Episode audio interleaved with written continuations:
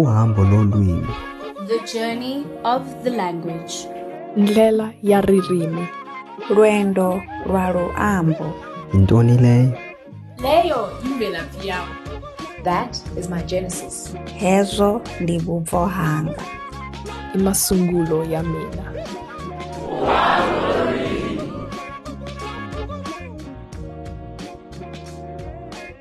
sagaleleka thina bokhetsha abancangela amantshontsho kaloku sizokugxwala emswaneni okwenkomo. Lingatsho ke elo gwitsho asifikanga sigalelekile singoqala zivebe lijelo sisithi botani baphulaphuli siyanamkela kwinkqubo yethu uhambo lolwimi. Apho sibalisa khona amabali olwimi ukubakho nokuba yinxalenye noluntu. Kwisiqendu sanamhlanje siva amabali amathathu avela kubafundi be-JMS2 malunga nokuba yinxalenye yabahlali kunye nokwazi ubuni. Elokusabela ndingu-Asithandile Mayongo, umxhuzuli Mikhala, umbalisi kunye nomfundi wezobuntatheli. Ibe ngoku ndiniphathele usasazo lwesibini. U- u- u- uhambo lolwimi Ihlabathi esiphila kulo alisikhuseli xa sisabelana ngeemvakalelo zethu. Ngoko ke yiyo loo nto siphela siseka ubudlelwane kunye nobuhlobo nabantu abafana nathi. Nangona kunjalo asifani singabantu, kungoko ingazosebenza ngaloo ndlela ngamanye amaxesha. Unomajola Ntshanga ubalisa ngamava asebuntwaneni, apho wayesokola ukufumana indawo yokuhlala. Abantu bebetha ngenqindi phantsi, besala ukumnika indawo. Kwakusebusuku phambi kovula kwezi sikolo kwaye ndandigcwele imincili wonke umntu endlini wayendincedisa ndilungiselela usuku lwam lokuqala lwesikolo lawabanga wam aphezulu. Umakazi nosipho wayesekhitshini endilungiselela isidlo sam sasemini. Isengwiji yam endiyithandayo i-toasted cheese kunye nehem umama wayeayina isiketi sam esibheji kunye nehempe yam emhlophe. Noma ungalibali upolisha izihlangu zakho mntanam yatsho intombi endala. Ekhaya kwakuphithizela kuphithiphithi. Ubhuti wam wayethunywe evenkileni eyokhangela itshintshi yemali yam yebhasi. Kaloku ndim umntana wokuqala endlini ukufumana imfundo ephucukileyo kwaye nethuba lokufunda ngaphandle kwasigugu lethu. Eli thuba lizangalula ke kodwa. Umama nguye yedwa ozikhulisileyo kwaye nophangelayo. Ukufunda kwam eweselford high school kwakuyinxa yemibingelelo awayenzayo umama. Lafika ixesha lokuba ndilale imincili yandongamela ndandinengcinga ezinintsi ngomzuzu omnye ndandisoyika ndizibuza ukuba owu ndizawulunga apho ndiya khona na? Ngomnye umzuzu ndizive ndivuya ndicinga ngazo zonke ihlobo endizazenza. Ngentsimbi yesixhenxe ndathatha unyathelo lwam lokuqala phandle. Umoya obandayo wasekapa watsho ebusweni bam. Kodwa ngenxa yemincili endandinayo khange ndiwuve tu nalo moya. Wonke umntu esitratweni wayeleqa ibhasi ka-seven. Kuloo bhasi yayindim ndedwa owayenxiba iyunifomu yasewesterford ndandiwava amehlo endisinda kunye nemisebenzo yayivela kwabantu badala. Inoba umamakhe uyithatha phi le mali yobhatala iwesterford kungabi namsebenzi. Ndade ndafika ukungena kwam kwesi sikolo ndamangaliswa sisakhiwo esikhulu esasiphambi kwam. Ndakhe ndama okomzuzwana. Emva kwethuba ndaphazamiswa ngumntana owomlungu varvoet bay ndabanda ndixakekile. Eyona ngcinga endandinayo engqondweni yayisithi owu bawo wam ayiwandi uthini lo mntana. Inoba wabona udideka kwam ebusweni kuba into elandelayo ayithethayo wathi kanye iafrikaans brat. Kwiminyaka yam ke yobukela u-seventy-line into endandikwazi uyithintitha yayikuthi ekni brat afrikaans ni. Umlungu lo wayephambi kwam wajika wajonga izihlobo zakhe bayidubula intsini. Kwelaa xesha ukuzithemba kwam kwehla. Yonke imincili bendinayo yaphuma ngefestile. Kuthe kusenjalo ndeva ngempama ebandayo. Owu ingqela yasekapa. Ukukhala kwentsimbi kundibuyisele ezingqondweni. Ndalandela abafundi ukuya eholweni. Ndandifuna ugoduka ndifuna umama mna kuthe xa kuphela indibano yeza kum intombazana entle emnyama enoncumo oluhle. Indibuza ukuba ndilahlekile ingandinceda na?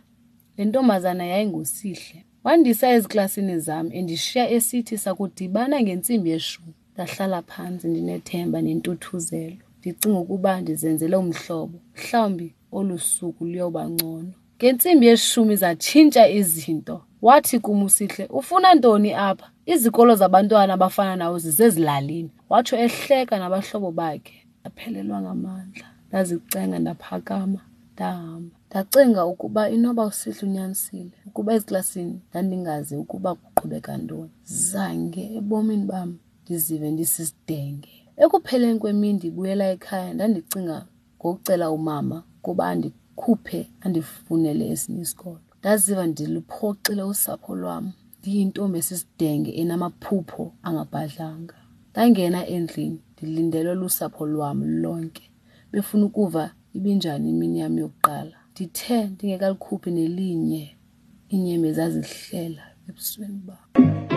Uhambo lolwimi.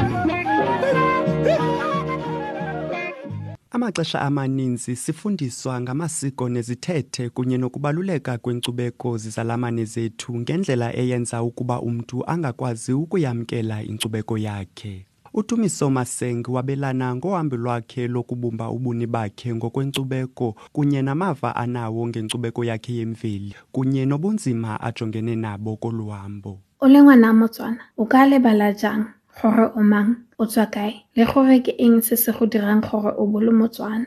Kana go ikitse ke tshimologo ya katlego. Mo sengwe le sengwe se o batlang go se fitlhelela go sa ikitse go tshwana le go itebala. I was born and raised in mafikeng a town where everyone knew each other full of love and warmth it personified it takes a village to raise a child a town that takes pride in its rich history and its people i grew up in a home where i was taught you should be proud of your culture and roots, and that those two things form your identity. Then, in 2010, I moved to Worcester in the Western Cape, where there was no feeling of Ubuntu, the feeling of belonging. I did not have a safe haven. There was no Dumelanana that I took for granted while I was still living in Mafikeng. On my way to school in the mornings, there were no sounds of cows mooing and the sounds of roosters crowing as my alarm clock. I always remember my grandmother's words do not forget who you are and where you come from. Then, one day, I went back home. We were having my aunt's lobola negotiations. When I woke up that morning, ke tsositswe ke pina le mogolokwane mo mosong. Boammaaruri ke gore ke ikutlwile ke ja monate mo pelong. My heart was filled with joy to be a part of this.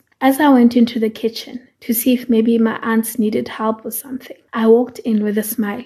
Le mogolokwane. Yilililili and danced. My family joined me in my awkward dance moves. Ga mongwe wa bomamane a ntumedisa le nna ke a mo dumedisa a nkopa sengwe se ke ne sa se tlhaloganye ka ke ne sa itse Setswana sentle. I looked at her puzzled and confused because I could not understand what she was asking me to do. A mpolelela fa a swabile nko feta molomo ka ntlha ya gore ke ne sa mo tlhaloganye mme ke ipitsa motswana ka tsela ena bua ka one ke ne ka utlwa botlhoko thata ebile ke a lela. Ka ikutlwa ka re ke motswakwa mo gae. I felt like i was being treated as an outsider rather than a family member. Ke ne ke ikutlwa jaaka motho o sa amogelwang sentle as if i'm no longer welcomed in the house. Ga ise ke utlwe botlhoko jaaka letsatsi leo.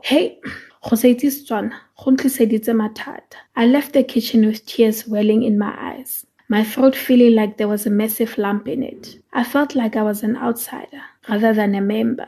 It was like she was saying I did not belong, that it was not my home anymore, because I could not speak as they spoke. But I realized that was further from the truth. I am a proud Tswana woman. I know who I am, where I hail from, and nothing and no one can take that away from me. I wear my crown with pride.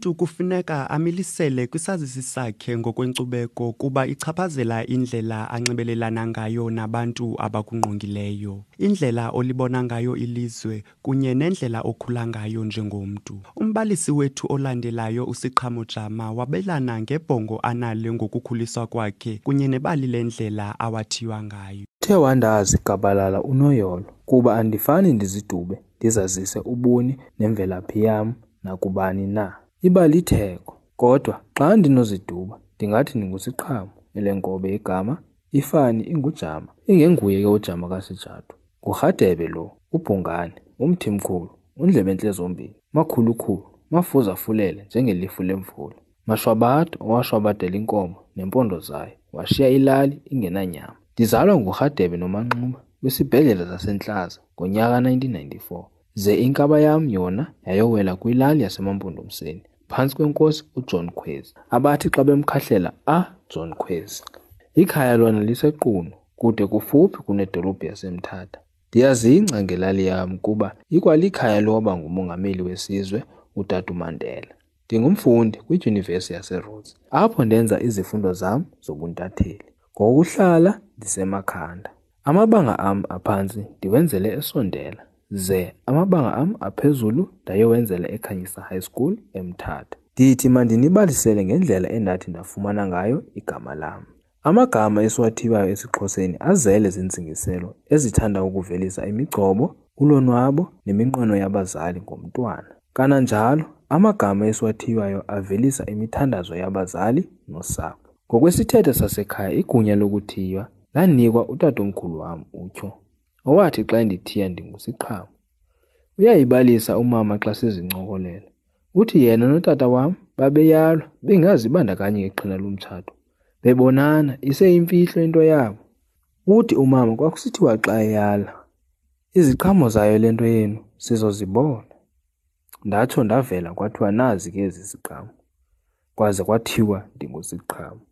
Kodwa yena umama ondizalayo uthi ndisisiqhamo sothando kwaye nam ndivumelana naye. Ndizibhaqe ndilicinga elibali ndimkhumbula nomama ondizalayo. Uhambo lolwimi. Siphela kanjalo ke isiqendu sanamhlanje. Siyanibulela kwaye sibamba ngazo zozibini ngokusiboleka indlebe. Sibulela nabavelisi bethu bephakheji uNomajola, uTumiso kunye noSiqhamo ngamabali abo ancuthumazangwa.